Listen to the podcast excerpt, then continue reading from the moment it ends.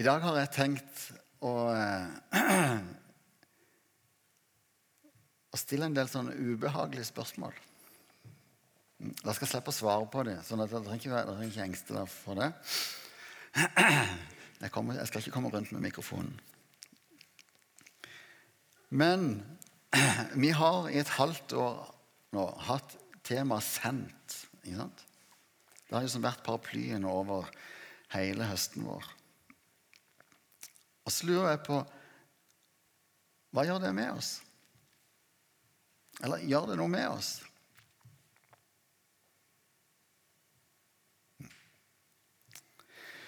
Når vi starta denne menigheten, så var det for at nye mennesker skulle eh, få bli kjent med evangeliet.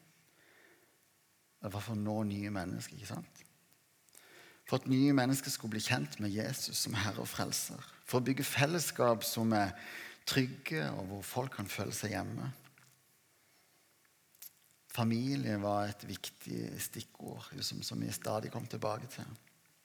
Et fellesskap som utruster, som inkluderer og som bygger opp. Og som igjen gjør at vi går ut og vinner nye mennesker. At vi trekker nye folk inn i fellesskap, at vi forteller om Jesus, at vi er vitner med våre liv. Kombinasjonen av fellesskapet og hjemmet, det som vi har her, familien her, og det å nå ut til nye mennesker. Det handler jo selvfølgelig om å bygge trygge fellesskap som er attraktive, som er ja, altså, hvor det er godt å være. Men samtidig kan vi ikke forvente at folk skal skjønne at vi har et attraktivt fellesskap hvis vi er en godt bevart hemmelighet. Vi kan ikke forvente at folk bare skal komme dettende inn fordi at vi har det så greit. Derfor så ønsker vi å ha et fokus på det og at vi er sendt. Vi har et oppdrag. Et oppdrag om å gjøre alle folkeslag til disipler. Alle mennesker til disipler. Og så lurer jeg på, hva, hva, gjør det med oss, eller gjør det noe med oss at vi har et sånt tema over en hel høst? Påvirker det hvordan vi tenker, eller hvilke valg vi tar? Er det noe du gjør annerledes i dag enn du gjorde for et halvt år siden?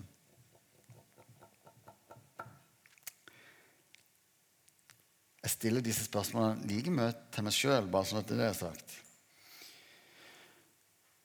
Hva gjør f.eks. Altså undervisningen Vi begynte i høst med undervisning om, om misjonsbefalingen, om det store oppdraget som vi har fått. Det er jo på en måte velkjente ord som, for de fleste av oss. Vi har jo som kanskje hørt det før, men, men, men liksom, betyr det noe inn i våre liv? Eller tenker vi at ja, det er sant, det var viktig, det er gode ord? Og så går vi hjem og så gjør vi ikke noe mer med det. Eller når vi hører om Nehemia.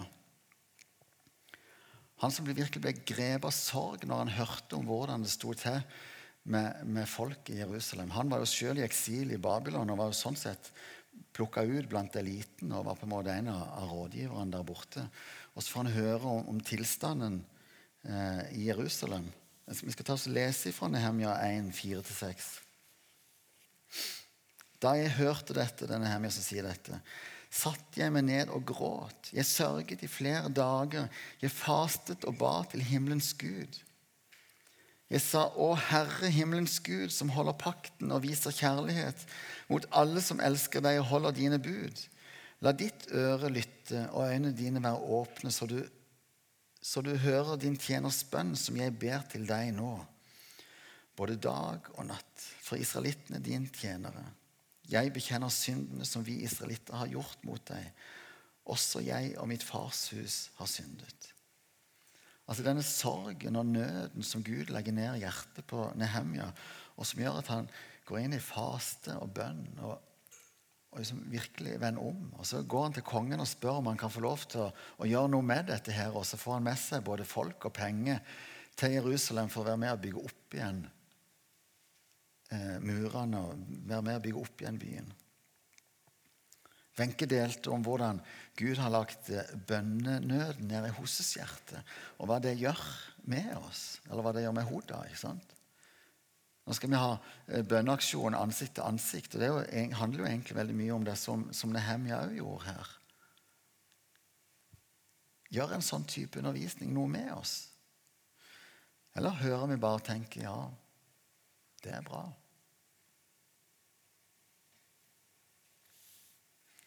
Eller videre om Nehemja. Når de bygger opp murene. De står sammen, alle sammen, side om side, skulder ved skulder. Hansen på sida, Pettersen på sida. Alle sammen var de med, og de sto side og bygde opp med sverd i den ene hånda og murerskeia i den andre, eller hva de hadde for noe. Og så sammen så klarte de det fordi at de sto sammen, alle sammen.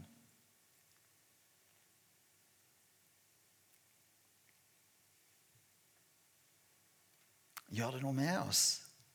Har det relevans i dag? Eller historien om Jonah.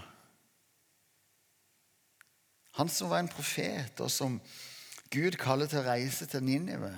Og Når Gud kaller han til å reise til Ninive, da stikker Jonah av. Han reiser stikk motsatt retning. For det vil jeg ikke. Tone talte om hvordan Gud kaller oss, og hvordan Gud ikke angrer på sitt kall. Selv om Jonah stakk og er iallfall ærlig med seg sjøl, om ikke annet.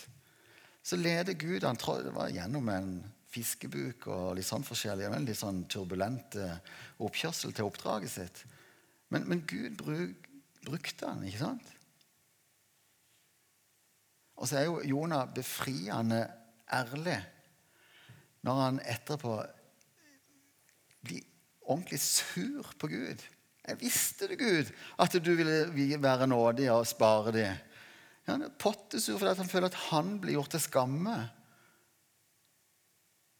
Hva er mine motiver, og hva er Guds sine motiver i kallene våre, i det som i tjenesten vår?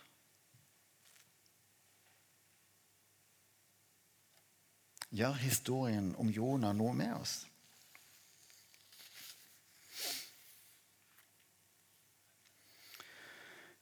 Eller når vi sist søndag har besøk av Toril og Lars Fredrik, som reiser til Sentral-Asia. Jeg melda forresten med de her i går eller forgårs. De er kommet vel fram. og De skulle flytte inn hos, de hadde leid rom hos en lokal familie. og det ut av både bor de billig, de lærer språk, for de må jo snakke språket der. Og så blir de jo kjent med nye folk. Så de var kjempefornøyde. Mm. Men ikke sant, Tore og Fredrik de tar virkelig jeg synes det er ordentlig modige valg. Altså Både så er det tøft eh, gjort. Altså det, det, er jo, det er faktisk en risiko med det de gjør. ikke sant? Eh, og så prioriterer de helt annerledes. Istedenfor å, å tjene mest mulig og investere i, i hus og hage og hytte og bil, så reiser de til Sentral-Asia for å forkynne evangeliet. Og så har vi besøk av dem her, og så forteller de sin historie og vi ber for dem og velsigner dem. Gjør en sånn historie noe med oss? Ikke at, ikke at vi nødvendigvis skal reise til Sentral-Asia. Men eksempelet de er på det å ta modige valg. Valg som koster. Eller be vi for dem og velsigne dem og vippse noe penger så de har noe å leve for, og så går vi hjem og så setter vi oss i stolen med fjernkontrollen i hånda og har det veldig godt. Og så har vi jo tross alt både bedt for dem og velsigna dem med penger. og vi er jo, Alle kan jo ikke reise til Sentral-Asia. Noen må jo ta ansvar her hjemme.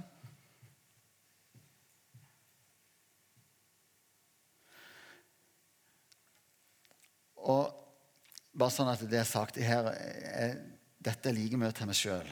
Og når jeg når jeg skrev akkurat dette, så så jeg for meg der jeg satt sjøl i godstolen min med beina opp og kaffekoppen i hånda. og Hadde det egentlig veldig bra. Og var egentlig veldig glad for at Gud ikke har kalt meg til Sentral-Asia. Sånn.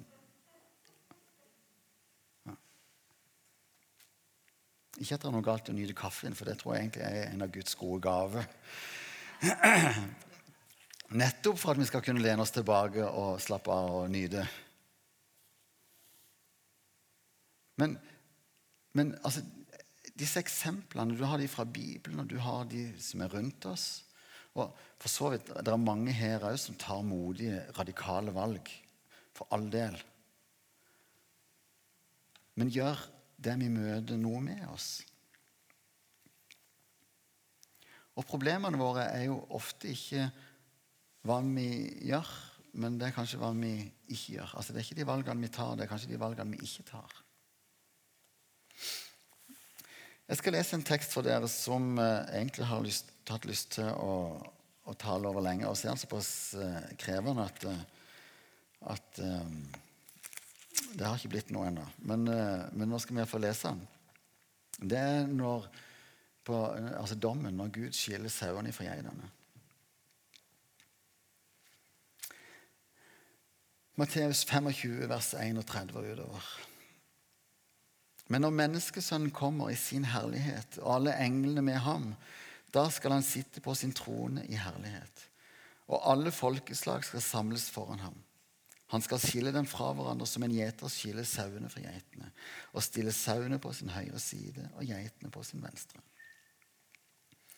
Så skal kongen si til dem på sin høyre side.: Kom hit, dere som er velsignet av min far, og ta i arv det riket som er gjort i stand for dere fra verdens grunnvoll blir lagt.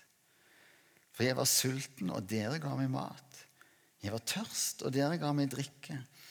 Jeg var fremmed, og dere tok imot meg. Jeg var naken, og dere kledde meg. Jeg var syk, og dere så til meg. Jeg var i fengsel, og dere besøkte meg. Da skal de rettferdige svare, Herre, når så vi deg sulten og ga deg mat? Eller tørst og ga deg drikke? Når så vi deg fremmed og tok imot deg, eller naken og kledde deg? Når så vi deg syk eller i fengsel og kom til deg?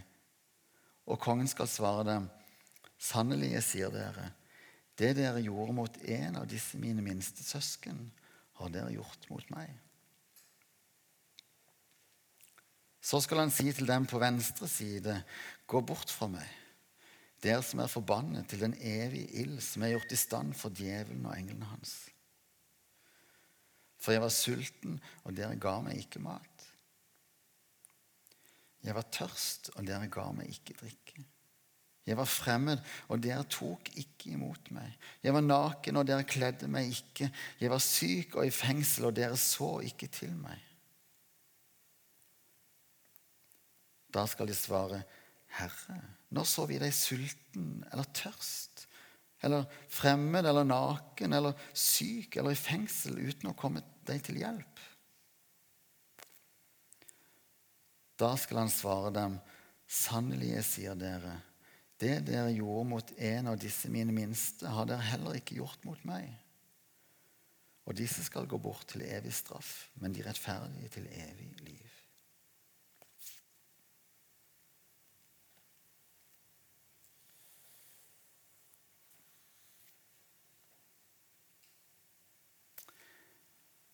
Det er en tekst som på en måte ikke legger noen ting imellom. Og jeg lurer jo litt på åssen jeg skal komme ut av dette uten at dere blir helt vettskremte. ikke tør å komme tilbake igjen. Men Jesu undervisning er radikal. Ja, hele Jesu liv var radikalt. Vi kan ofte tenke at Det gamle testamentet det var loven og pakten og den gamle pakt. ikke sant? Og så Nytestamentet, da er det Jesus. Da er det noe nytt. Da er det nye pakt. Da er det største av alt er kjærligheten. ikke sant? Og det er sant, ikke sant? Fordi at med Jesus så kommer nåden, og det er en ny pakt. Men Jesus kom jo ikke for å oppheve eh, loven. Om vi leser Bergprekenen, så, så er jo eh, Jesu undervisning utrolig radikal. Loven som jødene hadde fra Moses, med alle regler og forskrifter, jo da, de var omfattende og strenge. Men Jesus sier flere ganger i bergprekenen dere har hørt dere sagt Men jeg sier dere Og da var det ikke noe oppmykning eller noe lettelse på, på restriksjonene, holdt jeg på å si, på reglene som han kom med. Tvert imot. Jesus gikk ofte enda lengre. Dere har hørt dere sagt øye for øye og tann for tann. Men jeg sier dere, sett dere ikke til motverge mot den som gjør ondt. Eller du har hørt dere sagt du skal ikke slå i hjel, men jeg sier det, den som blir sint på sin bror, er skyldig i domstolen. Jesu undervisning er altså så radikal, og Jesus, Jesus trekker nestekjærligheten enda lengre. Vil noen saksøke deg ta skjorta, ja, så gi av kappa di òg. Jesus kom ikke med noen oppmykning av loven, men han kom med nåden.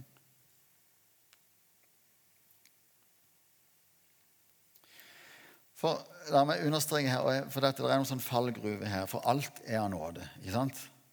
Det er ingen, ingen av oss kan gjøre oss fortjent til frelsen. Vi kan eh, kle så mange nagne og besøke så mange fengsel vi vil. Det hjelper på et vis ingenting på frelsen hvis ikke vi tar imot. Det er Jesus som har gjort alt.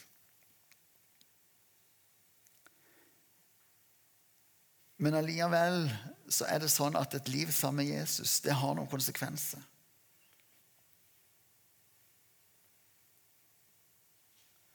Det vil måtte endre oss og prege oss. Og så er det jo ikke snakk om noe sånn enten-eller her. For det er at de aller fleste av oss som er her, tar mange gode valg. Ønsker å bety noe for byen, for naboen, for kollegaen, for familien, for menigheten. Og livet, ja, livet er ikke for pingle. Livet er travelt. Livet er oppturer og nedturer. Og i perioder, av og til føles som ganske lange perioder, så har vi mer enn nok med å klare å ta seg av oss sjøl og vår egen familie. Men jeg tror allikevel at vi så altfor lett lar oss fange av det som Jesus sammenligner med, eh, med, med, altså med tornekrattet når han forteller om, om såmannen. Tornekrattet som, som kveler såkornet som spirer. Tornekrattet som Jesus sammenligner med livets bekymringer og rikdommens bedrag.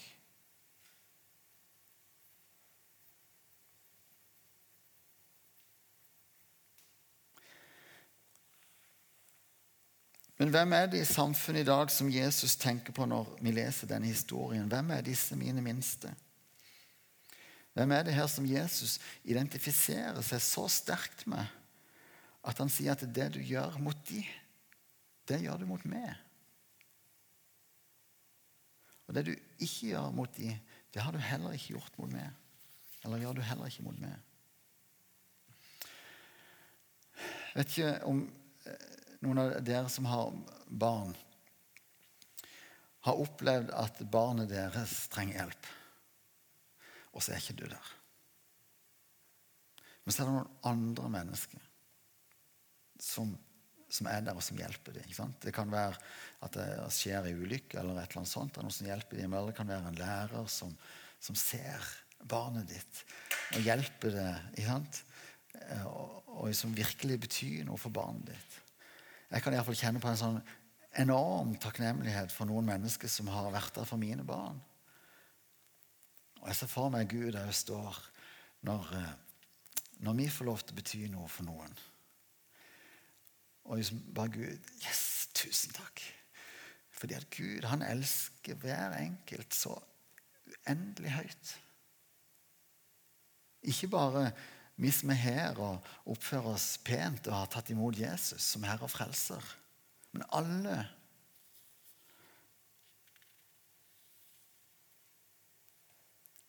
Alle mennesker er skapt i Guds bilde. Til mann og kvinne har han skapt oss.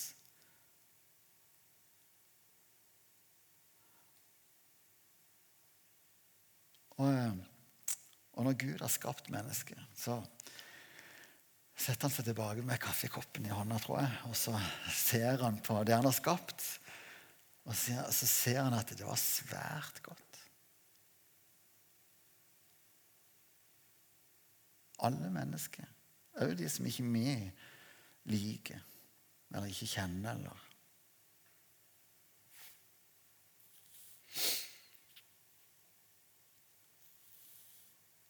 Forstår vi den der enorme bunnløse kjærligheten som Gud har for hvert enkelt menneske?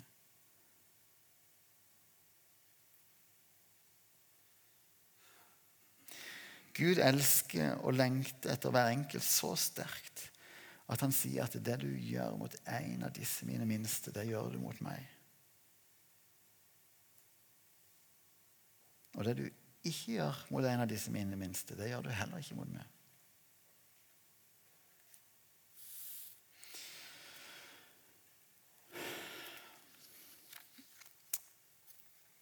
Men åssen skal vi leve livene våre, da?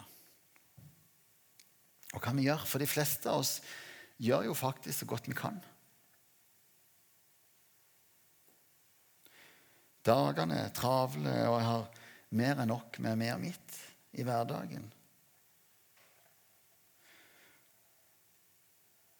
Og vi står på i tjenesten, i livene våre, i jobbene våre. Ja, på alle kanter så står vi på så godt vi overhodet kan. Og kanskje er det akkurat det som er utfordringa vår.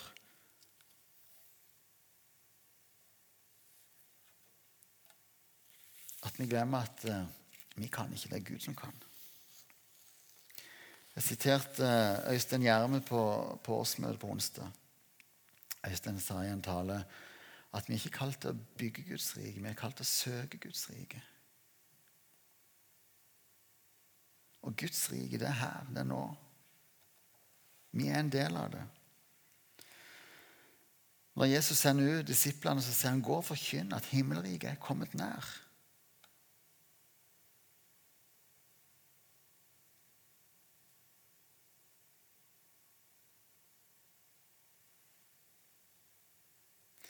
Men like fullt, altså selv om og det er her denne her, liksom, selv om det er Gud som skal gjøre det gjennom oss ikke sant?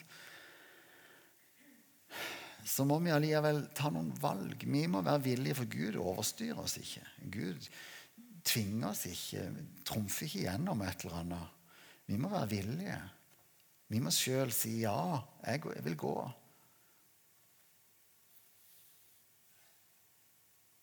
Vi må la Gud få plass i våre liv. Og så er det en sånn evig balansegang om å være villig til å gå, samtidig som ikke vi skal gå i egen kraft. Ikke springe av sted på egen hånd.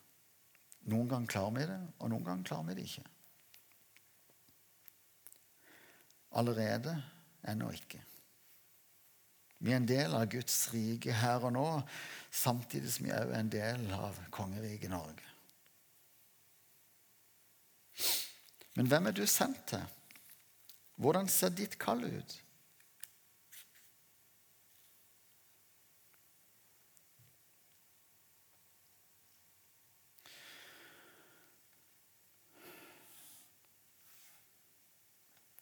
Vi har tenkt uh, utover våren også fortsatt ha sendt som tema, men på en litt annen måte. Uh, vi har altså tenkt utover våren å kjøre alfaundervisninger på gudstjenestene her. Uh, hvem er Jesus? Hvorfor døde Jesus? Hvordan kan jeg tro? Hvem er Den hellige ånd? For på den måten så tror jeg altså, altså, altså Jeg er utrolig begeistra for alfa. Det er et fantastisk redskap. Eh, det er ordentlig solid undervisning av evangeliet. Og evangeliet har sprengkraft. Der. Så jeg håper at uh, vi gjennom denne undervisninga her kan både inspirere og utruste hverandre til å leve disippellivet, til å leve for Jesus. Og så tenker vi at til høsten igjen så kjører vi i gang alfakurs. Vi hadde for noen år siden her noen utrolig spennende alfakurs. Med en flott blanding av kristne og ikke-kristne og muslimer og drusere. Og vi hadde til og med undervisning på arabisk. Og det, det er noe av det mest givende og spennende jeg noen gang har vært med på. Eh, både å kunne ha en sånn solid undervisning, eh, eh, men òg de der samtalene som en får etterpå. Kjempespennende. Men alfa er bare et godt redskap. Vi er helt avhengig av at dere er med. At dere inviterer inn folk og får med folk. Fordi at Hvis det bare blir oss, så er det for så vidt eh, spennende nok, kanskje, men ikke så spennende som det kan bli hvis en får inn en del nye folk. Så utfordringa er spør Gud allerede nå hvem er det jeg har, hvem er det jeg kjenner, som jeg kan invitere med på et alfakurs.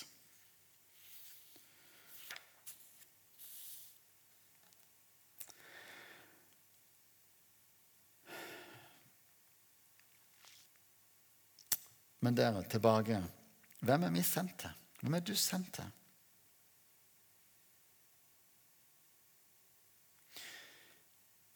Vi har alle fått et oppdrag om å gjøre mennesker til disipler. Det er ikke et oppdrag som bare noen har fått. Det er ikke bare Tore Lars Fredrik og pastoren og noen utvalgte som har fått. Alle har vi fått det oppdraget.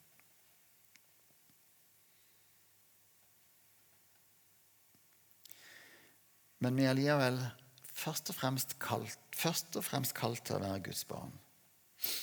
Kirkefader Augustin, som levde for 1600 år siden Jeg synes Det er litt fascinerende med disse som levde så lenge siden, som sa så mye klokt. Men han sa, 'For du har skapt oss til deg'. For, altså for du, Gud, du har skapt oss til deg, og våre hjerter er urolig inntil det finner hvile i deg. Vi er altså skapt for å leve sammen med Jesus. Det er vårt første og vårt største kall. Ja, Gud har til og med lagt ned i oss en lengsel etter noe som er større. Det er en del av skapertanken at vi skal leve et liv sammen med Gud. Og når vi gjør det, når vi lever sammen med Gud, da vil Gud prege oss, forme oss, lede oss og bruke oss. Da vil vi kunne være Jesu hender og føtter, Jesu øre og Jesu øyne. Da blir menigheten her Jesu legeme på jord. Og når Jesus blir spurt om hva som er det første og det største budet, så svarer han du skal elske Herren din Gud av hele ditt hjerte, av hele din sjel, av all din kraft og av all din forstand, og de neste som deg selv. Vi skal altså elske Gud med alt det vi er og har over neste som oss selv. Det er sånn Jesus oppsummerer hele loven. Da vil Gud vise oss hvem vi er sendt til.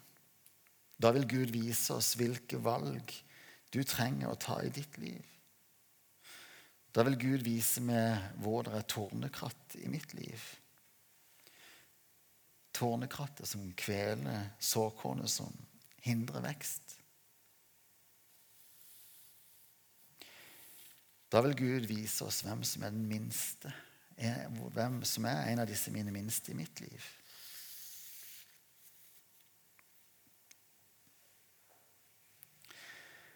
Og Jeg har stilt masse spørsmål, og jeg skal som sagt ikke komme rundt med mikrofonen. Men hva gjør det vi hører, med oss? Hvilke valg er det vi trenger å ta? Hvem er det Gud kaller det til? Hva er det Gud kaller det til? Så vi ønsker egentlig at dere nå bare skal legge alle de spørsmålene som jeg har stilt, til side, og så skal dere spørre Gud. For jeg tror på en levende Gud som taler inn i våre liv. Eh, og hva jeg tenker og spør om det, det er ikke så farlig. Men, men spør Gud. Hvem er det jeg sendt til? Hvordan tar kratt i mitt liv? Hvilke valg er det jeg trenger å ta?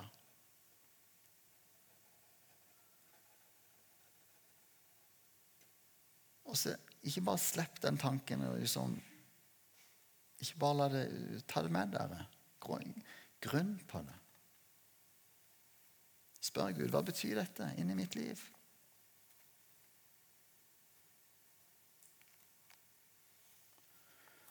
Så er det sånn at Når vi hører på Gud, så kan det av og til høres litt skummelt ut, men det er det som er det beste for oss.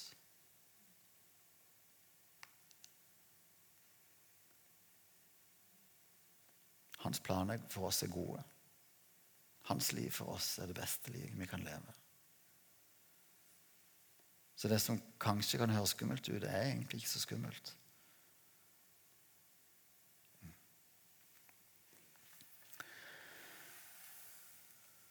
Takk, Jesus, for at uh, du har gjort alt. Takk for at vi kan komme og bare ta imot. Så ber om at du taler til hver enkelt av oss inn i våre liv. Vis oss det som vi trenger å se. Rettled oss. Utfordre oss. Rør med oss, Jesus.